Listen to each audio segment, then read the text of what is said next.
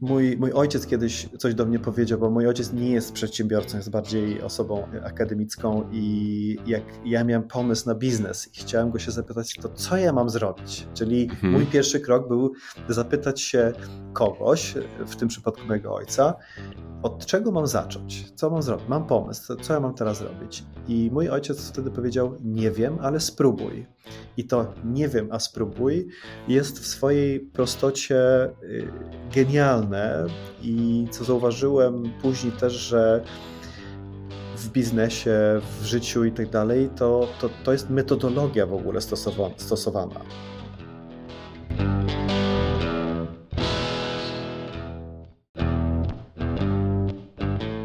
Cześć, nazywam się Tomek Miller, a to jest podcast Kaizen Miracle. Małymi krokami od pomysłu do zysku. Ten podcast tworzę dla liderów, przedsiębiorców i tych, co chcą nimi zostać. Chcę, żebyś ty, korzystając z zamieszczonych treści małymi, średnimi lub wielkimi krokami, dużo szybciej niż dotychczas osiągał swoje cele biznesowe i prywatne. Sam jestem mentorem, coachem i trenerem. Uczę tego, co robię w podcaście. Uczę, jak pytać i wydobywać najbardziej wartościowe informacje. Współpracuję z firmą For Results, która od lat wprowadza kulturę bezpieczeństwa i odpowiedzialności w firmach. Wspólnie uczymy, jak sprawić, żeby pracownicy rzeczywiście wiedzieli, co mają robić i żeby szef miał więcej czasu dla siebie. Ostatnio uczymy tego dzięki najnowszej technologii VR. Stworzyliśmy wirtualny symulator łodzi podwodnej. Menadżerowie zakładają gogle i od razu uczą się, jaki sposób zarządzania przynosi im najlepsze efekty. Doświadczenia są naprawdę niewiarygodne. A teraz zapraszam już do kolejnego odcinka. Jest naprawdę bardzo ciekawy.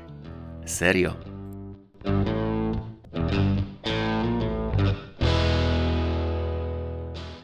Niektórzy mają kłopoty z zarządzaniem jedną firmą. Już zarządzanie kilkoma osobami nie jest proste. Delegowanie zadań, wyznaczanie celów i ich egzekwowanie jest trudne nawet w małej rodzinie. A jak to sprawnie realizować, gdy ma się kilka firm i to w kilku krajach? Serdecznie zapraszam do rozmowy z Lechem Kaniukiem, ekspertem od skalowania biznesu, niedoszłym lekarzem, przedsiębiorcą, inwestorem, twórcą takich startupów jak Pizza Portal, iTaxi, Sunroof, autorem książek, m.in. książki Siła Pędu, osobą, która zarządza firmami w kilku krajach wartymi ponad 5 milionów euro. Dzień dobry Panie Lechu. Dzień dobry, witam. E, panie Lechu, bardzo dziękuję, że zgodził się Pan na uczestnictwo w tym podcaście. E, wszystkich gości proszę na początku, żeby się przedstawili w dwóch, trzech zdaniach. Pewnie będzie trudno, ale jakbym mógł Pan próbować, będzie mi miło. E, no, jeśli miałbym przedstawić siebie, to bym powiedział, że jestem przedsiębiorcą, który nie może siedzieć na miejscu i spoczywać na laurach. Ciągle szukam jakiegoś e, progresu, coś nowego, nowe wyzwania i chyba podchodzę do, do wszystkich różnych rzeczy z dużym optymizmem i e, wiarą w to, że powinno się udać. E, panie Lechu, iloma dzisiaj firmami pan zarządza? Y, to trochę trzeba by było się zastanowić, jak to te, technicznie mm, opisać. No, faktycznie jest tych, tych firm kilka. Jeśli bym powiedział, że są to firmy, które zatrudniają osoby, to y, to dzisiaj ja zarządzam całą, całym Sunroof, który jest e, firmą, która ma kilka spółek też w, w czterech mhm. krajach dzisiaj. E, I w samym Sunroof jesteśmy no, cztery kraje, ponad 150 osób i, e, i, i, tym, tym zarządzam, prawda? A później też są firmy takie jak na przykład Bean Buddies czy, czy, czy inne, które też zatrudniają osoby, a tam już są dyrektorzy zarządzający, którzy prowadzą te, te firmy bezpośrednio, więc tam moja rola jest y, bardziej ograniczona. I to trochę zdradza moim zdaniem y, Aha. sposób, jak można sobie poradzić, bo prawda jest mhm. taka, że zawsze trzeba się otaczać osobami zdolnymi i którzy biorą odpowiedzialność. I nawet czy to jest jedna firma, która ma dużą strukturę, czy to jest wiele różnych firm, to w sumie nie, moim zdaniem nie ma znaczenia, dlatego że zawsze trzeba mieć zespoły, które, które mają dobrych liderów i, i potrafią zarządzać jakby tym, tym codziennym biznesem. Super. E, pierwsze pytanie, bo czytałem książkę, słuchałem książki, słuchałem pana podcastów innych. E, no, widziałem, że już do tej pory ilość pomysłów, które pan realizował, jest bardzo duża. Sprzedawał pan kwiaty, był pan, pracował w hucie, nagrywał płytę, e, prawie został lekarzem, albo próbował pan zostać lekarzem. Później e, iTaxi, Pizza Portal, e, teraz Sunroof. E, pierwsze pytanie, czy można nauczyć się przedsiębiorczości? Absolutnie. Myślę, że tutaj chyba nikt się nie rodzi przedsiębiorcą, tylko to moim zdaniem jest e, postawa.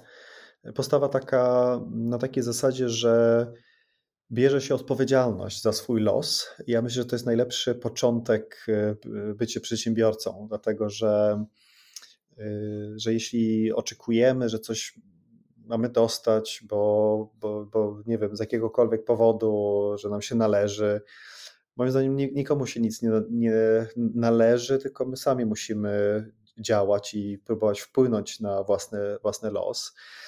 I w moim przypadku to się zaczęło od tego, że jak dorastałem, to, to e, moi rodzice e, mieli trudno, żeby tak wiązać koniec z końcem. I e, to powodowało to, że nie mogłem liczyć na to, że dostanę to, co bym sobie zażyczył od swoich rodziców, tylko faktycznie sam muszę dołożyć do tego, żeby coś zdobyć.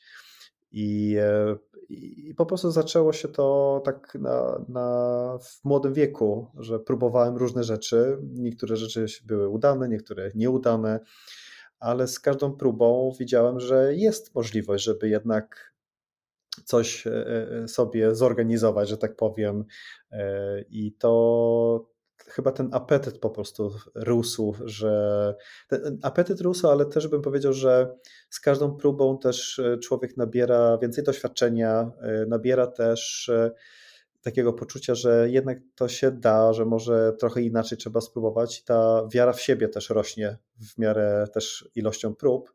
I to jest chyba taka, taka kombinacja moim zdaniem y, nieakceptowania stanu, który jest, y, wzięcie odpowiedzialność za to, żeby zmienić ten stan, próbować i z tymi próbami buduje się e, i doświadczenie, i też wiarę w siebie, że można.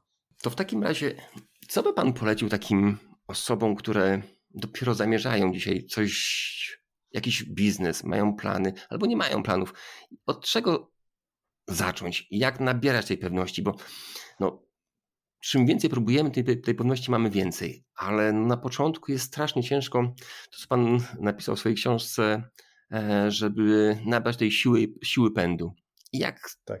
od czego zacząć, żeby ten pęd nabrać? Jak, czy ma Pan jakieś takie podpowiedzi, które naszym słuchaczom by coś mogły pomóc? To tak krótka odpowiedź jest taka, żeby zacząć od czegokolwiek. I to czegokolwiek może być sprawdźmy coś w internecie, zobaczmy, gdzie można rejestrować e, swoją firmę, albo mm, e, zajmiemy się pomysłem, nazwą swoją firmą, albo produktem, albo gdzie mogę się zaopatrzyć, z kim mam współpracować. Nie, nie ma tak naprawdę znaczenia, od czego zaczynamy, tylko żebyśmy coś zrobili. Ten pierwszy krok, dlatego że ten pierwszy krok jest zawsze najtrudniejszy, Mhm. E, I, I im dalej idziemy, to zauważamy, że jednak e, może to nie jest ten właściwy kierunek, może coś trzeba zrobić innego. I teraz, żeby znaleźć ten, ten właściwy kierunek, jest bardzo trudno to zrobić, y, żeby to wszystko przewidzieć, szczególnie jeśli się wcześniej nie robiło e, czegoś, czy, czy, czy nie, nie, nie zakładało się firmy, nie prowadziło firmy. Dam taki przykład. Jeśli myślę o tym, że chcę prowadzić firmę, mam pomysł na biznes i pójdę szukać biura na mój biznes, ale nie mam jeszcze e, nic innego zorganizowane, to i tak nie jest to moim zdaniem zły kierunek, dlatego że pierwszy krok już zacząłem, prawda? Szukam, gdzie chcę mieć swoją nazwijmy, siedzibę, miejsce. No ale jeśli nie, nie mhm. zarejestrowałem firmę, nie zrobiłem wiele innych rzeczy, to zaraz dojdę do tego, że jednak to nie jest pierwsza rzecz, którą powinienem zorganizować E, tylko powinienem zorganizować inne rzeczy przed tym, że podpiszę umowę na najem biura, prawda? E, I, i o, o to mi chodzi, że jeśli jesteśmy początkującym, to, to jest więcej rzeczy, które się wydaje nieoczywiste, ale mhm. moim zdaniem nie ma znaczenia, od czego zaczynamy. Ważne jest, żeby po prostu zacząć. I Mój, mój ojciec kiedyś coś do mnie powiedział, bo mój ojciec nie jest przedsiębiorcą, jest bardziej osobą akademi, akademicką i jak ja miałem pomysł na biznes i chciałem go się zapytać, to co ja mam zrobić? Czyli mhm. mój pierwszy krok był zapytać się e, kogoś, w tym przypadku mojego ojca, od czego mam zacząć? Co mam zrobić? Mam pomysł, co ja mam teraz zrobić? I mój ojciec wtedy powiedział: Nie wiem, ale spróbuj i to nie wiem, a spróbuj, jest w swojej prostocie y, genialne i co zauważyłem później też, że w biznesie, w życiu i tak dalej, to, to, to jest metodologia w ogóle stosowana.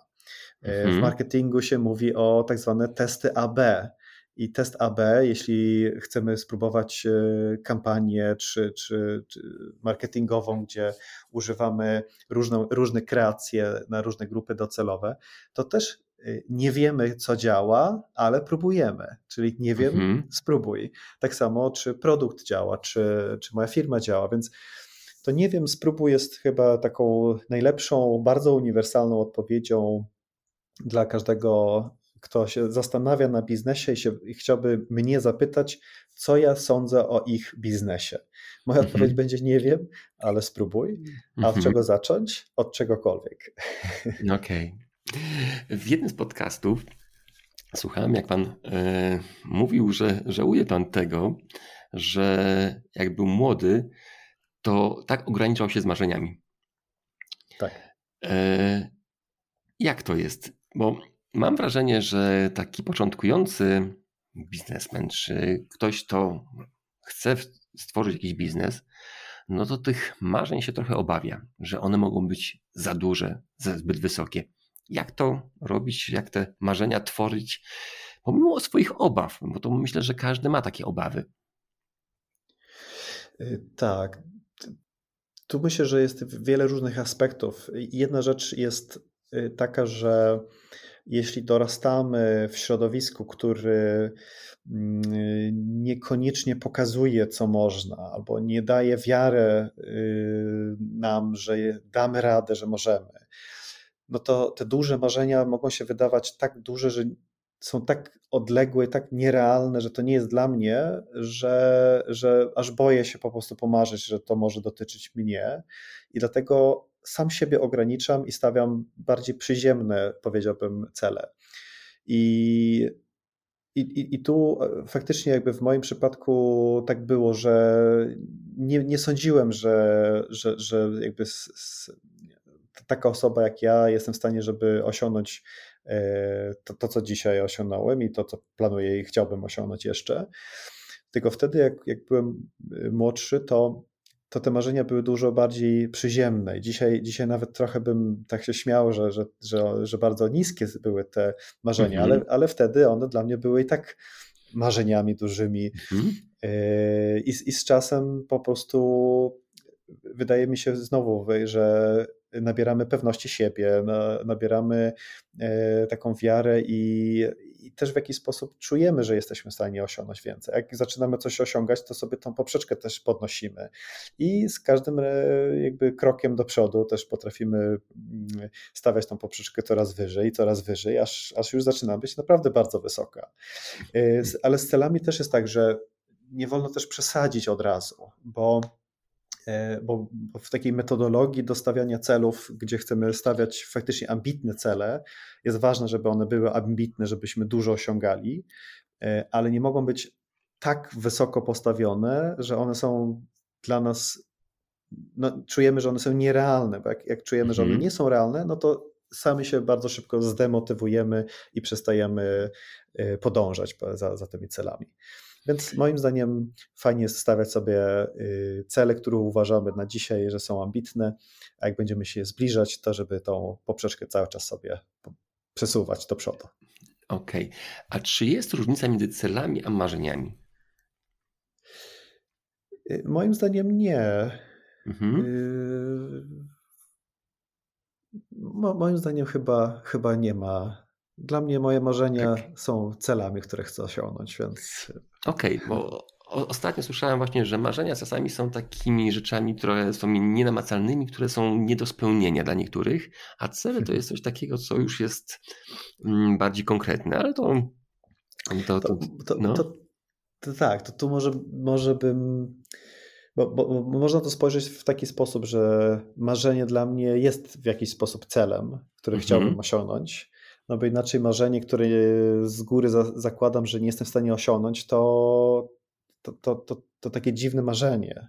Mhm. A to, więc to może być ten główny cel, ale żeby dojść do tego celu, muszę osiągnąć wiele mniejszych e, celów po drodze, więc, więc to, to, mhm. może tak można też porozbijać na, na czynniki pierwsze, żeby jak dojść do tego, do tego mhm. marzenia. I tu też, też się mówi czasami, że marzenie się spełnia, prawda? Tak. Ale ja uważam, że to my, e, my spełniamy marzenia, a nie marzenie same się spełnia. Okay. To my musimy zapracować na nim. Dobrze, tak z ciekawości, jakie teraz, teraz są Pana marzenia? Oj, e, to tych, tych, tych marzeń jest, jest Jeżeli się wiele. Pan podzielić, to... tych marzeń jest wiele. W tym roku z kilku takich rzeczy to, to mam e, podróżnicze marzenia, cele, które chciałbym, okay. miejsca, które chciałbym pojechać i zobaczyć. Dobrze. E, panie Lechu, e, sam też uczę kultury, kultury firmy, kultury odpowiedzialności. Ciekaw jestem, jak Pan wprowadza kulturę u siebie? Bo mm, w książce Siła Pędu też Pan ten temat mm, e, podnosi, że ta kultura w firmie jest bardzo ważna. Jak tworzyć kulturę firmy, żeby była sprawna i działała tak, jakby Pan chciał? No zawsze zaczynamy od siebie. Zawsze jak mhm. zaczynamy firmę tworzyć, to jesteśmy zawsze numer jeden w firmie. Później zaczynamy dobierać ludzi. I tutaj zaczyna się pierwszy etap budowania kultury w firmie, czyli kogo wybieramy do naszego zespołu. I tu powinniśmy dużo poświęcić czasu przy wywiadach, przy interwiu, przy procesie rekrutacyjnym, żeby też poznawać tego kandydata czy kandydatkę z punktu widzenia takiego też e, kultury osobistej, czy pasuje dla nas, bo mhm. może być tak, że to jest dobry specjalista, ale mm, e, kulturowo może nie pasować. I jeśli to nie pasuje nam kulturowo, to, to wtedy będzie bardzo trudno zbudować właśnie tą kulturę firmie, którą byśmy chcieli. To jest mhm. oczywiście łatwo powiedzieć, a jest bardzo dużo tak. rzeczy, mhm. które mogą powodować, że jest to bardzo trudne, żeby tak budować. Ale to jest jakby pierwszy element, czyli wybieramy dobieramy osoby do naszej firmy, do zespołu w sposób taki, żeby starać się dobierać ich pod kątem też e, kultury. A druga rzecz jest żebyśmy my zawsze działali zgodnie z tym, jak my chcemy, żeby ta kultura była. Czyli mhm. to jest ciągła praca i pokazywanie właśnie tej kultury. I to, co jest ważne, żeby pamiętać, to jest nie tylko to, co my mówimy i robimy, ale też to, co nie mówimy i nie robimy. Mhm. Albo to, co pozwalamy, żeby się działo i w jaki sposób na to reagujemy bo to wszystko się składa na całość i e, budowanie kultury w firmie. Taki mhm. przykład, jeśli mhm. dzieje się coś i y, nie lubimy, żeby coś takiego się działo, ale milczymy i nie reagujemy, no to pokazujemy i budujemy kulturę w firmie, że pozwalamy na takie zachowanie. Mhm. I, e, i, I więc to jest przykład y, też nierobienia czegoś i niereagowania, które też buduje kulturę w firmie. To warto mhm. to też, o tym też pamiętać. Okej. Okay. Tak z ciekawości z tym, jak się zmieniło Pana postrzeganie kultury? E, jak wyglądała kultura, powiedzmy, w Pana firmie 10 lat temu, a jak czy 15 lat temu, a jak wygląda teraz? Jakie są różnice między tym, co było, a co jest dzisiaj? Myślę, że największym, największą różnicą między teraz a 10-15 lat temu jest to, że jestem bardziej świadomy tej kultury mm, i bardziej zwracam uwagę na te tematy co nie oznacza, że nadal są to trudne tematy i, i mhm. budowanie kultury to jest nieustanna e, rzecz w firmie i próbowanie korygowania rzeczy, które może nie są odpowiednie, ciągle, ciągle wymaga naszej atencji. Więc, więc taka świadomość chyba jest e, większa i chyba to, co się różni od tego, co robimy teraz w Sunroof w porównaniu do w sumie wszystkich innych firm, które mhm. robimy, to jest to, że dobieranie kandydatów jest robione w taki sposób, gdzie element próby dopasowania kandydatów do kultury, którą chcemy budować, jest dużą częścią procesu rekrutacyjnego w firmie. Mhm. To jakich kandydatów pan dzisiaj dobiera? Co ten kandydat taki idealny E, który miałby przyjść do Pana firmie, powinien posiadać. Czy on ma być rywalizatorem, czy ma być takim mieć na cel, czy ma współpracować. Jakich pracowników dzisiaj Pan szuka? Albo to... dobiera, może nie szuka, bo nie wiem jak tam jest. tak, i, i mhm. dobieram i szukam. Mhm. E, więc jedna rzecz, którą też warto jest pamiętać, to jest to, że kultura, kultura osobista czy kultura osoby, a osobowość może być, y, są dwie różne rzeczy, bo są osoby, które są typem działaczem i rywa, rywali, rywalizatorem, prawda? -hmm. I i, i, I to tu na przykład e, nie, w dziale sprzedaży jest więcej osób, którzy są hen do przodu i działają mhm. i chcą domykać e, różne kontrakty, a są inne stanowiska, które może inny typ osobowości dominuje, który jest bardziej dokładny i chce e, no, nie idzie do przodu, tylko chce wykonać pracę dobrze, jak dostanie mhm. zlecenie. I więc to, to, to jest bardziej jakby taki charakter y, osoby, ale kulturowo to szukam zawsze osoby, które biorą odpowiedzialność. Mhm. I, i to, to jest jedna z takich kluczowych rzeczy, dlatego że niezależnie od w, jakim, w jakiej roli jesteśmy, to jeśli to jest mhm. osoba odpowiedzialna, to szansa, że ta osoba będzie robiła dobrą pracę i starała się wykonać to y, jak najlepiej, jest dużo większa niż osoba, która nie bierze odpowiedzialności. I, e, mhm. więc, więc osoby odpowiedzialne są, są, są ważne. Druga, druga rzecz, którą szukam w, w osobach, które, którymi się otaczam, to są osoby, które są bardziej proaktywne i chcą się rozwijać i chcą rozwijać to, co jest wokół, wokół siebie. Mhm. Czyli patrząc na, na każdą firmę i to, to, co chcemy zrobić, to my chcemy zawsze się rozwijać, chcemy e, rosnąć w, w nowych segmentach, na nowych geografiach. A żeby firma mogła rosnąć, to zawsze musi się dostosowywać do nowych realiów, do nowych struktur i procesów. I to wszystko wymaga tego, że firma musi cały czas się rozwijać też sobą, bo, bo im większa jest firma, to inaczej musi działać, inaczej trzeba procesy poukładać, inaczej trzeba organizację sobie po, e, poorganizować. I to powoduje, że osoby, które są w stanie wziąć odpowiedzialność być proaktywni i y, mieć chęć do rozwijania swojej działki, będą bardzo pomocne w tym procesie.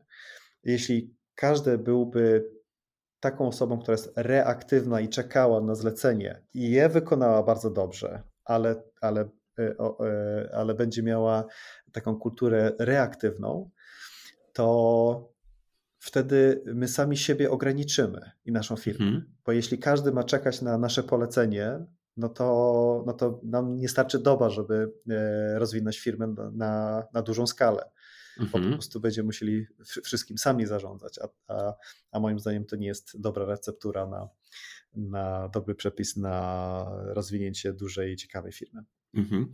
To teraz pytanie, jak pan to robi w praktyce? Bo um, co to znaczy osoba odpowiedzialna? Jak pan poznaje po CV czy po, po rozmowach, że to osoba, która jest taka, którą pan by sobie życzył do swojej firmy, czy to jest osoba właśnie taka proaktywna i odpowiedzialna? Jak pan to poznaje? Po czym wy, w firmie sprawdzacie, czy, czy tą osobę brać, czy nie brać? Jedna rzecz, która jest pomocna wtedy, kiedy rekrutujemy osoby do naszego zespołu, to jest, żeby postarać się opisać stanowisko, ale nie nazwę stanowiska, tylko opisać, jakie zadania my oczekujemy, że ta osoba będzie miała.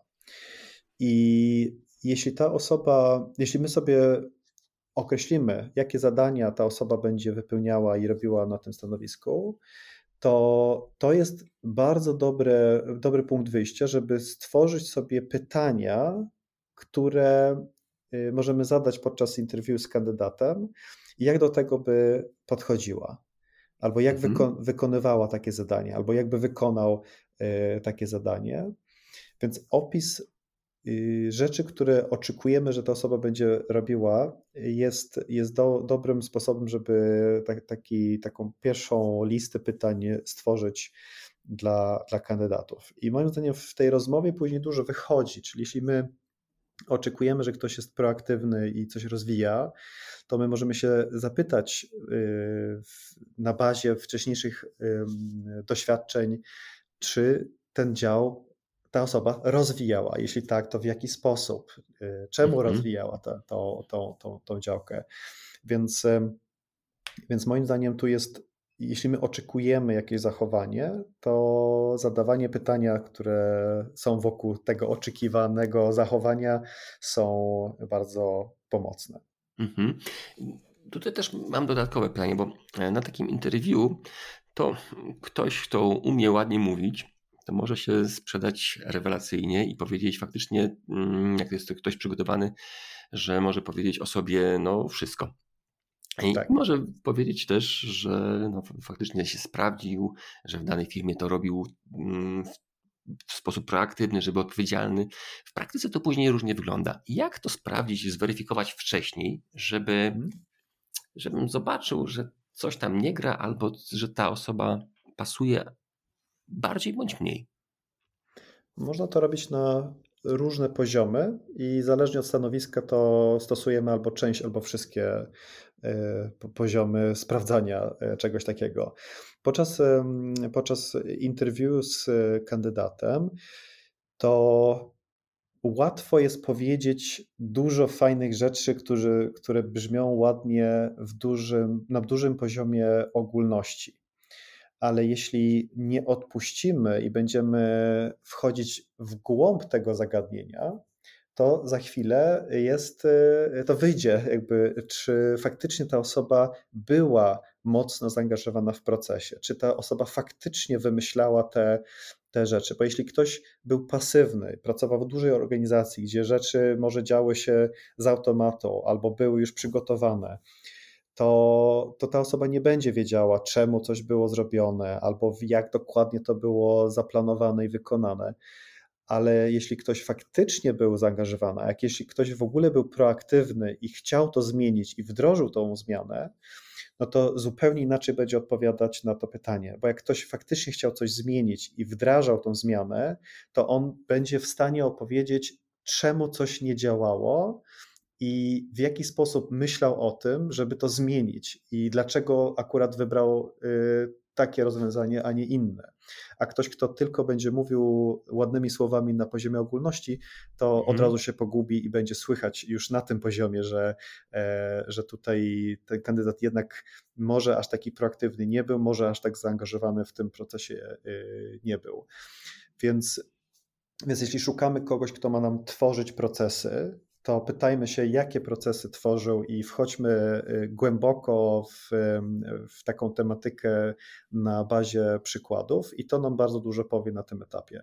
Oczywiście to może nadal być niewy, całkowicie wyczerpujące, bo ktoś mógł być bardzo blisko i, i, i wiedzieć mhm. dużo rzeczy, które się działy i tak dobrze odpowiadać. Więc druga rzecz jest, żeby robić ewentualne testy, to zadanie na przykład poprosić, żeby coś przygotować.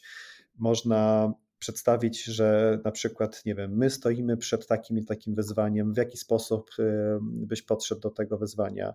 Więc mhm. na odpowiednich stanowiskach to można wymagać od kandydata, żeby y, wrócił z, y, no, z jakąś odpowiedzią na takie zadanie. To też jest w pewien sposób jakiś filtr, bo jeśli komuś się nie chce tego zrobić, no to, no to też wyfiltrujemy kandydatów, na którym aż tak nie zależało na pracy u nas i, e, i, i jakby zrezygnował z tego powodu. E, no ale jeśli nie i dalej chcemy, no to oczywiście na samym hmm. końcu przechodzimy też do referencji. I jeśli też pytamy się o referencje, to tu też jest dobrze spróbować wybrać coś, o czym się rozmawiało podczas całego interview, gdzie klient na przykład czy kandydat mówił o o tym, że coś faktycznie wdrażał i się pytać, w jaki sposób to wdrażał, i, i, zapytać się tutaj, e, czy faktycznie był odpowiedzialny za to i jakie były efekty i tak dalej. Więc e, to, to też jest coś, co e, na samym końcu często warto jest zrobić, czyli nie tylko pytamy się o referencje i się pytamy, czy, czy to był fajna, fajna osoba, bo tylko, tylko spróbuj, spróbujmy podpytać się o konkretnych projektach, które robił w pracę i jak to faktycznie było. Mhm. Albo jak to było z punktu widzenia tej e, osoby, którą pytamy. Dzięki. E, tutaj wspomniał Pan coś o procesach. E, I teraz kolejne pytanie, bo mm, zaintrygowało mi to, słuchając z Pana książki, że mm, w firmach, jak się rozrastają firmy, to często zmiana procesów jest bardzo częsta. Że czasami to jest co pół roku, co rok. Jak często takiej organizacji jak teraz, jak Pan jest w Sunroofie e, i tam jest 150 osób, jak często zmieniacie procesy, bo firma rozrasta się, e, jest coraz więcej pracowników. Jak to robić, żeby to adekwatnie do wielkości firmy szybko korelować? To no to dam, dam, taki przykład, że w Sunroofie przez, przez pierwsze dwa lata firma urosła z niecałych 10 osób w organizacji do ponad 150 w dwa wow. lata. No. I patrząc tylko i wyłącznie z punktu widzenia, jak zarządzać i, i, komunikować się ze sobą, jakie narzędzia używać, no to, to Y, zespół, który idzie z 10 osób do 20, to, to już jest y, dość, podwoiliśmy zespół, prawda?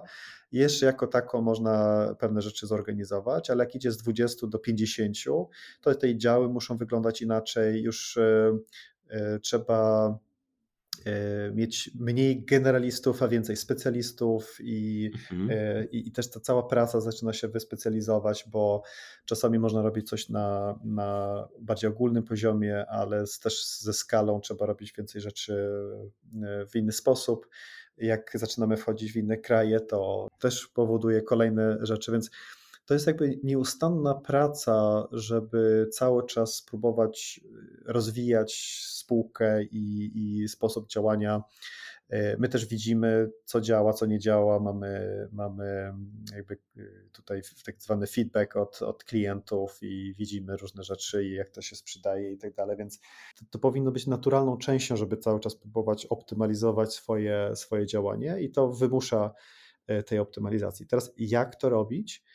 No, pewne rzeczy, no to moim zdaniem z doświadczeniem zaczynamy czuć, że coś nie działa w pewnej skali musimy coś zmienić, e, ale najłatwiejsze czy naj, naj, najlepszy sposób do tego, żeby być w stanie ciągle rozwijać i, i działać, to jak, jak spółka rośnie i rekrutujemy kolejne osoby, to rekrutować coraz bardziej doświadczonych specjalistów, którzy już mają doświadczenie od e, takich organizacji, które mają doświadczenie od tego, żeby prowadzić, e, nie wiem, być zarządzającym zespołu, który już mhm. jest, nie wiem, nie pięcioosobowym, a pięćdziesięcioosobowym i tak dalej. Więc mhm. na takim przykładzie z ostatnich e, dwóch miesięcy w naszej firmie Sunroof, to to y, zrekrutowaliśmy y, niedawno temu właśnie dyrektora finansowego i e, Marcin, który dołączył do nas, on był dyrektorem finansowym dla spółki giełdowej. Mhm. I spółka giełdowa oczywiście ma no, bardzo wysokie wymagania co do raportowania. Żeby dobrze raportować, to trzeba mieć dużo różnych systemów i procesów wdrożonych. Rzeczy, które my nie mamy jeszcze, bo nie jesteśmy spółką giełdową, jesteśmy na dużo wcześniejszym etapie, ale aspirujemy do tego, żeby te wszystkie rzeczy mieć tak dobrze pokładane. I taki Marcin, który dołącza do nas, on już wie, jak to się robi, bo robił to. On, on, mhm. on ma wyobraźnię, jak te, te procesy mogą wyglądać. On zna narzędzia, zna e, wiele różnych rzeczy. I taka bardzo doświadczona osoba wchodzi do organizacji i widzi, brakuje to, to, to i to, i teraz e, organizuje sobie, jak to wszystko po kolei wdrażać. I to jest i w jaki sposób się wdraża i rozwija procesy w firmie. Mhm. Czyli jeżeli czegoś nie wiemy, to um bierzemy kogoś z rynku, który już to zna i, to, i wprowadza to w naszej firmie, tak? Tak, no wiadomo, że nie zawsze wszystko można jeden do jednego, mhm. ale to, to, to, co doświadczone osoby wnoszą, to jest wyobraźnie i doświadczenie od tego, jak to może funkcjonować. I to już mhm. jest wystarczające. Jeśli ktoś chce rozwijać i y, procesy i, i, i swoje narzędzia, to i ma wyobraźnię, no to wtedy e, nawet w innej firmie, inną charakterystykę biznesu i tak e, poradzi sobie doskonale. Mhm. W książce wysłuchałem, że też zaleca Pan, żeby jednak na menadżerów czy koordynatorów brać ludzi ze środka firmy, żeby ich awansować. Która opcja jest lepsza właśnie i albo kiedy? Kiedy awansować kogoś, a, a kiedy brać z zewnątrz? W których etapach firmy pan no, wybiera osoby z zewnątrz, a kiedy awansuje to i, i jakie są plusy i minusy tego?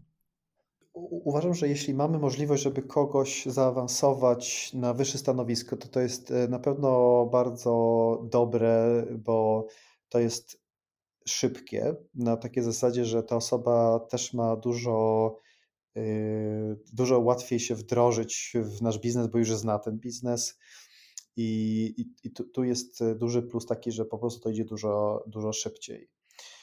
Y, to też buduje możliwość takiej ścieżki kariery, e, jak i nie też widzą, że jest szansa na awans. Jak ktoś zaawansuje, to się tworzy dziura w tym miejscu, więc też trzeba uzupełnić, więc może to też jest szansa dla kogoś innego w firmie, żeby też zrobić awans. Więc to, to też oczywiście daje takie poczucie dla organizacji, że warto zostać, warto działać, bo, bo, bo możemy się też rozwijać, jeśli tego chcemy oczywiście. E, więc to są takie, powiedziałbym, podstawowe plusy tego. Jest, jest, jest wiele innych tych, tych też e, rzeczy oczywiście. E, minusy mogą być takie, że że możemy się znaleźć w takiej sytuacji, gdzie koleżanka czy kolega, który dostał awans, y, nagle jest szefem swoich kolegów i koleżanek. I to z kolei mhm. powoduje y, no, może nawet niezdrową dynamikę wśród y, zespole.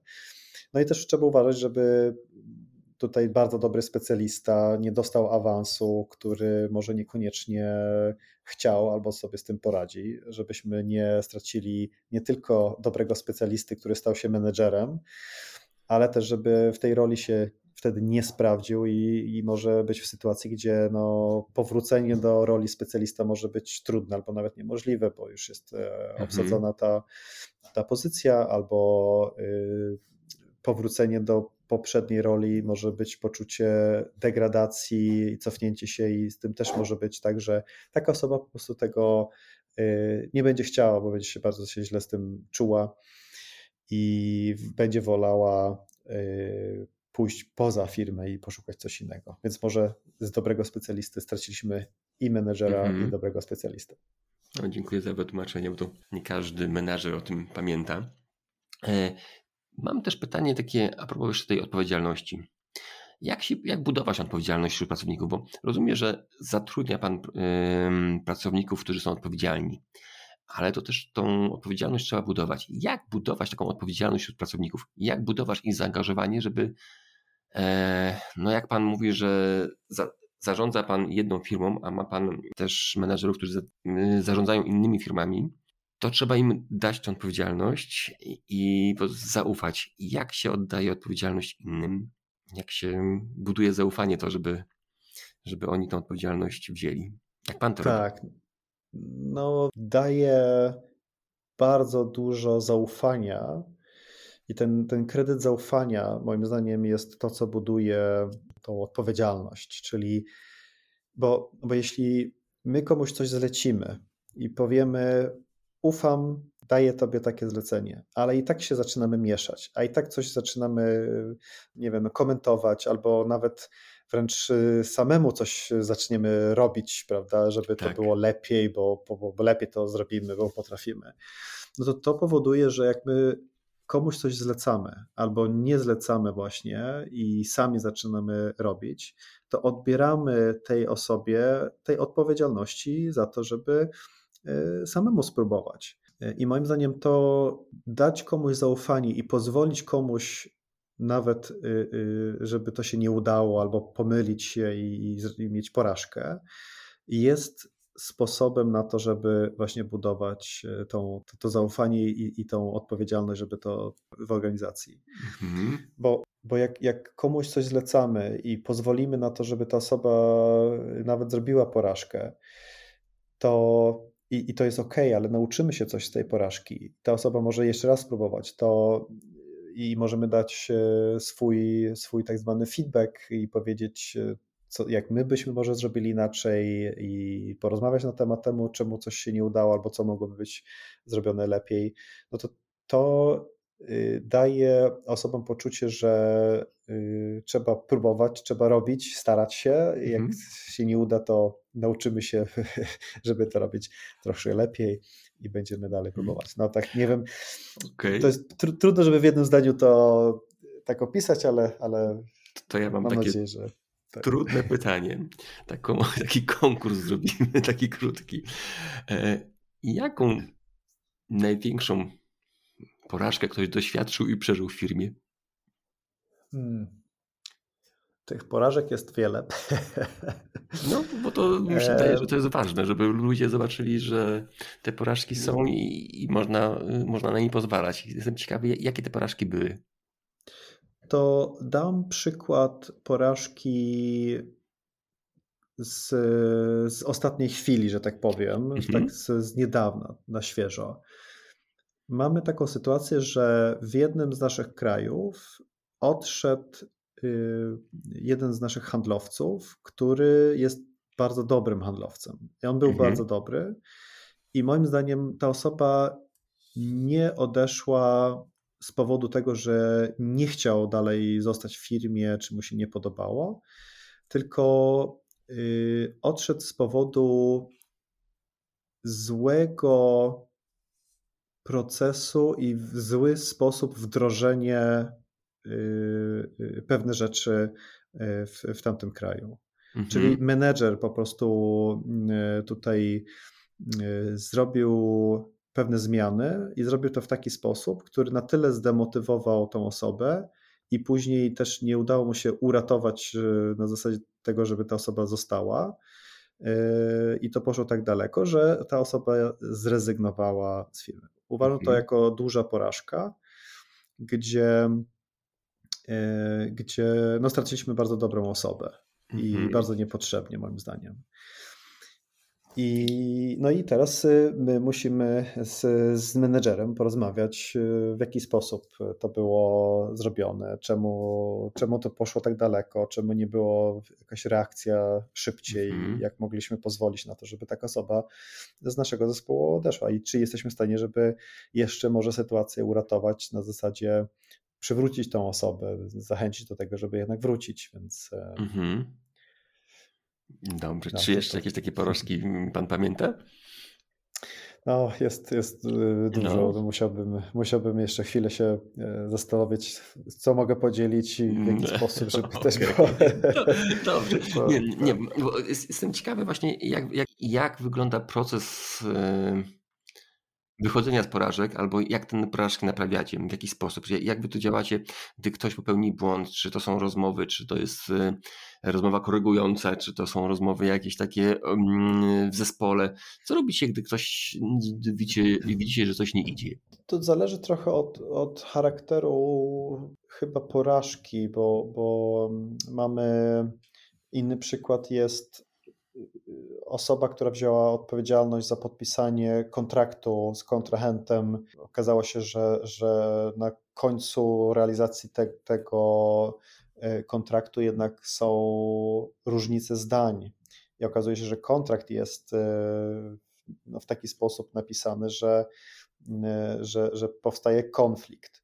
Mhm. No to, to w pierwszej kolejności osoba, która była odpowiedzialna za taki kontrakt, y, dostaje prośbę, żeby naprawić sytuację, żeby porozmawiać z kontrahentem i, i, i żeby wziąć tą odpowiedzialność za, e, za próbę naprawy.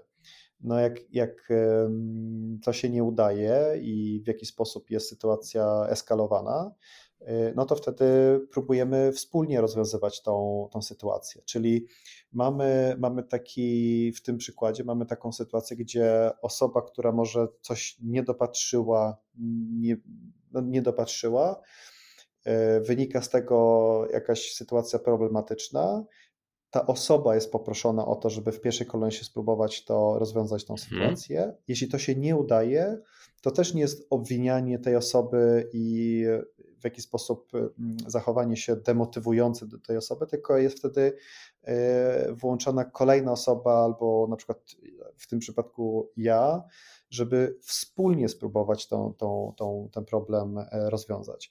I tutaj ważne jest w takich, we wszystkich tych sytuacjach, problematycznych szczególnie, jest to, żeby nie poświęcać czasu na obwinianie siebie i mhm. roztrząsanie sytuacji, jak coś jest złe i to będzie kosztować albo zajmować czasu i tak dalej, tylko używać tą naszą energię na to, żeby wspólnie próbować w sposób konstruktywny znaleźć rozwiązanie sytuacji bo mhm. wszystkie inne rzeczy będą nas jeszcze więcej kosztować i będą drenować z energii. E, więc e, tu, tu jakby po naszej stronie wtedy jest, nazwijmy to taka eskalacja, e, też żeby więcej osób się włączyło w to, żeby wspólnie, konstruktywnie rozwiązać sytuację. Super. Jeszcze mam pytanie dotyczące optymizmu. Mam wrażenie, że Pan ten optymizm ma w DNA. Jak zarażać tym optymizmem swoich pracowników? Czy po prostu Pan dobiera takich pracowników, że oni już też mają taki bakcyl, czy można właśnie taki ten, ten swój optymizm przekładać na innych, czy zarażać tym optymizmem innych, czy jak to robić? Czy da się to robić?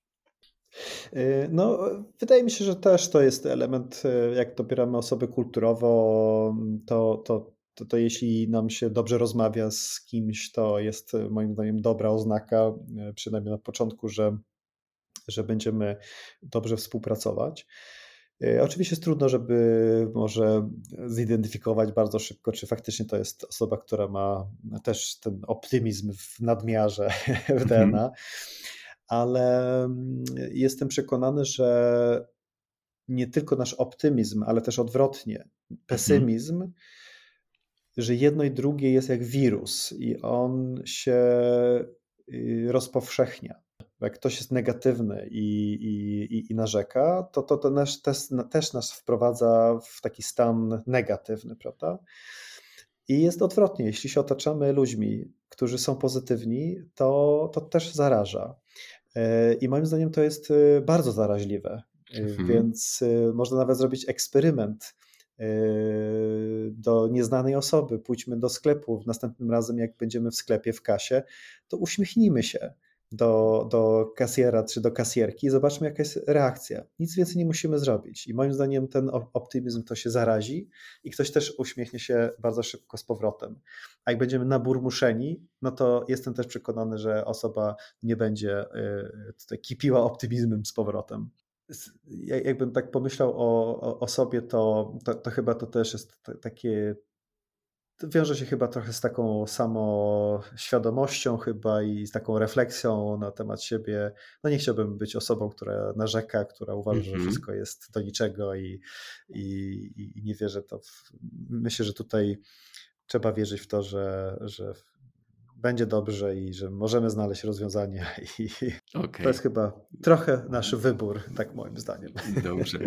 To może tym optymizmem, żebyśmy się otaczali takimi ludźmi sami troszeczkę nad tym pracowali, może zakończymy tą rozmowę. E, panie Lechu, e, bardzo dziękuję za, mm, za tą rozmowę, za podzielenie się swoimi doświadczeniami. Mam jeszcze pytanie takie dodatkowe. Gdzie Pana można znaleźć, żeby ktoś ze słuchaczy ewentualnie e, chciał, gdyby chciał Pana mm, gdzieś spotkać? Ja przebywam dużo czasu w Polsce, e, ale z racji mhm. tego, że prowadzę międzynarodową firmę, to e, mnie chyba czasami jest najłatwiej znaleźć gdzieś w samolocie, okay. w podróży między różnymi krajami. Super. Panie Lechu, wielkie dzięki za rozmowę i, i, i dziękuję za to, że się znalazł Pan czas na to, żeby się podzielić swoimi doświadczeniami. Do zobaczenia, do Dziękuję. usłyszenia. Dziękuję. I jak Ci się podobał ten podcast? Jeśli jest coś, co Ci się spodobało, to szybko weź długopis lub telefon i zapisz to sobie. Być może jest to jedna rzecz, a może więcej. Zapisz to sobie. Wiesz, tak żeby nie zapomnieć. Pamięć jest naprawdę ulotna. A jeżeli uważasz ten odcinek za bardzo interesujący, to wyślij go swoim znajomym, dla których ta wiedza też może być wartościowa. I jeszcze jedno. Uwielbiam kawę Chciałbyś podziękować mi za te materiały, które przygotowuję? Wirtualną kawę możesz mi postawić na stronie buycoffee.tu ukośnik Kaizen Miracle. Link masz w opisie odcinka. Ta wirtualna smakuje naprawdę przepysznie. Od pewnego czasu na Spotify jest też opcja oceny podcastu. Przy podcaście jest taki znaczek z gwiazdkami. Jeżeli spodoba Ci się ten odcinek, to zaznacz to w tym programie. I to już wszystko. Udanego dnia. Do następnego odcinka. Cześć!